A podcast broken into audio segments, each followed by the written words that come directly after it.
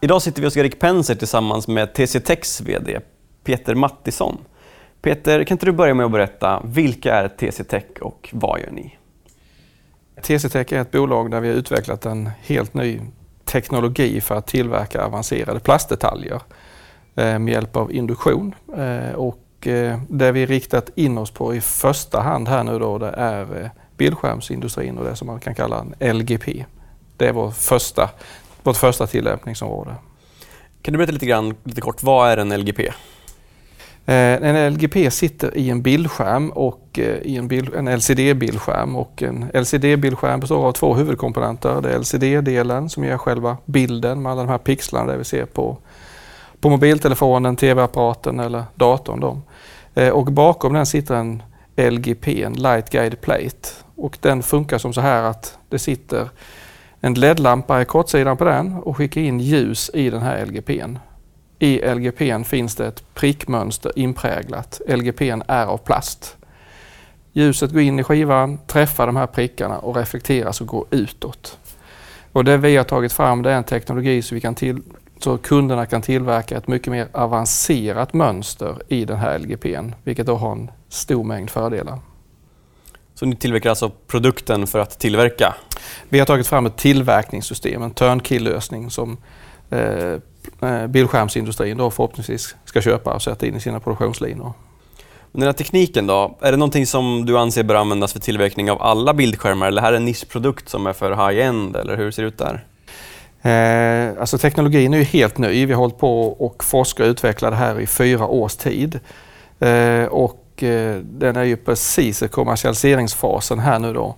Eh, men vår förhoppning är att den kommer att kunna användas på bred front. Men det som driver utvecklingen snabbast framåt det är där man ofta sätter in en ny teknologi och det är i det här fallet framförallt i mobiltelefoner och iPads. Sen förhoppningsvis att det går vidare till större tv-apparater och bildskärmar. Då. Men det är tillämpbart på alla former av LGP. Vad jag förstår så kan ni producera LGPR snabbare och billigare än konkurrerande tekniker. Kan vi försöka få det här i någon form av perspektiv? Hur lång tid tar det? Eh, ja, man kan säga att eh, visserligen kan vi göra det snabbare eh, än, än många av de befintliga teknologierna man använder idag för att tillverka det här. Men den stora vinsten är just att man kan få in en helt annan typ av optiskt mönster. En form av nanostrukturmönster vi med vår teknologi möjliggör att sätta in. Eh, och det där leder då till en stor mängd fördelar för, för kunderna, då, alltså de som, som tillverkar bildskärmarna. I ert prospekt har jag läst att eh, ni skriver att en, en 5-tumsskärm ofta är runt en millimeter tjock. Hur mycket av den millimetern bidrar en LGP med och kan ni göra den tunnare? Eh, alltså, vi kan göra ner alltså väldigt tunna LGP för att det är egentligen inte problemet med vår teknologi hur tunn du kan göra den. Det är ungefär hur tunn kan du göra den här LGPn. Det kan vi prägla in ett mönster i. Men det vi kan göra är att vi kan sätta ett mönster på båda sidor på den här plastskivan och det innebär då att man kan ta bort ett antal andra eh, kompensationsfilter och filmer och sånt som sitter i kanske en mobiltelefon eller en iPad. Eh, så att man totalt sett kan göra hela bildskärmen tunnare. Det är en av fördelarna, just när det gäller tunnheten. Då. Det finns ju förstås flera andra bildskärmsteknologier än LCD och alla är ju inte belysta från sidan med LGPR. Eh, till exempel OLED som håller på att bli lite populärt. Ser ni någon risk med att till exempel OLED kan bli en standard för bildskärmsteknik och i så fall konkurrera ut eh, behovet av LGP? Eh, alltså OLED har det ju pratats om länge och att OLED ser väl vi ungefär att det har kommit fram så, tack vare att det inte funnits tillräckligt bra LGPR. Det vi har tagit fram har inte funnits. Det är egentligen det man har efterfrågat. Eh, så hur det här ställer sig kontra OLED här om något år när vår teknologi förhoppningsvis slår igenom, det vet vi inte. Eh, men det vi möjliggör med vår teknologi är ju en del av de saker man tittar på OLED. Bland annat så får man ut ett mycket bättre ljus med ett bättre optiskt mönster som vi då kan ta fram, eller vår teknologi möjliggör att du kan ta fram.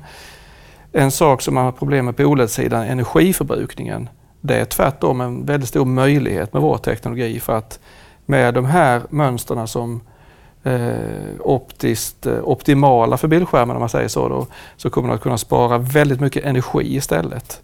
Så att det innebär att datorn och mobiltelefonen blir mycket energisnålare istället för tvärtom. Vilket ju då förstås är väldigt viktigt om vi pratar om bärbara datorer och mobiltelefoner, att batteriet räcker längre eller att du drar mindre ström på nätet. Eh, och sen har du tillverkningskostnaden som med vår teknologi också då blir billigare. Så att billigare, lägre energiförbrukning, bättre bild och tunnare möjliggör vår teknologi. Då. Vi måste förstås också titta på um, er affärsmodell. Hur kommer intäkterna att se ut? Alltså, är det enbart försäljning av system som ni kommer leva på eller finns det någon, någon form av återankommande intäktsström? Hur, hur, hur ser affären ut helt enkelt? Eh, vi säljer en, för, en färdig turnkey-lösning och eh, alla de här kunderna som vi kommer att sälja till finns ju i Asien då. Så det är Taiwan, Kina, Korea och Japan framför allt. kunderna finns. Eh, och vi säljer ett färdigt system som vi installerar på plats tillsammans med våra partners som vi då har valt ut som finns i de här länderna. Eh, och i första steget så låter vi våra partner ta hand om eftermarknadsaffären med service och support och och sådana här saker. Då. Men med takt med att teknologin då förhoppningsvis tar fart och det finns väldigt många, många fler system ute då, så ökar förstås vårt intresse att då ta hand om mer av den affären om något år kan jag tänka mig. Men i det första skedet så är det fullt tillräckligt för oss att, att sikta på att ta hand om försäljningen av systemen. Då. Om den här tekniken som ni har snabbt skulle bli standard eh, så skulle det förstås innebära en explosionsartad tillväxt för er. Hur väl är ni förberedda på det och hur snabbt kan ni skala upp er produktion? Eh, alltså vi kan skala upp vår produktion väldigt snabbt därför att vår affärsmodell innebär att vi bygger inte en industri utan vi bygger en modern industri kan man säga. En modern industri kännetecknas av att du har ett stort antal samarbetspartner och underleverantörer.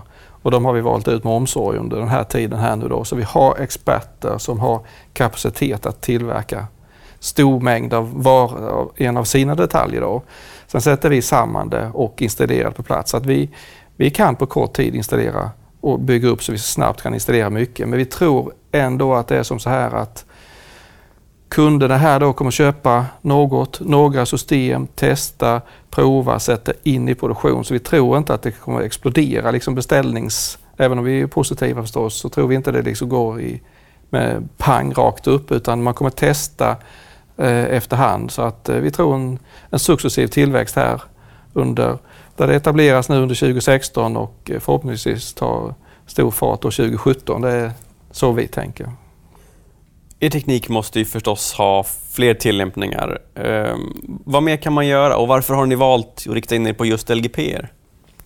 Det är alldeles riktigt. Den här teknologin vi har tagit fram är en patenterad teknologi där vi med hjälp av induktion möjliggör det här att snabbt värma upp och snabbt kyla ner för vi kylda vattenkanaler i, i systemet då, som gör att vi åstadkommer någonting som är väldigt intressant när det gäller tillverkning av avancerade plastdetaljer. Det är just det här att gå från kallt till snabbt varmt och till kallt. Och det har vi då en patenterad metod för att göra.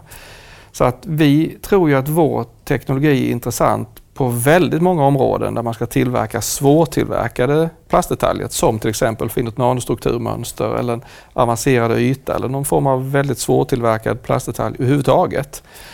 Eh, men det vi har valt att ge oss i kast med först är bildskärmsindustrin för där ser vi tydligt behov eh, och en jättepotential i den marknaden. Men absolut, så när vi har känner att okej, okay, nu är den etablerad så är vår plan att gå in på andra områden. Det kan vara medicinteknik, det kan vara fordonsindustri. Det finns en mängd olika andra områden som är intressanta för oss.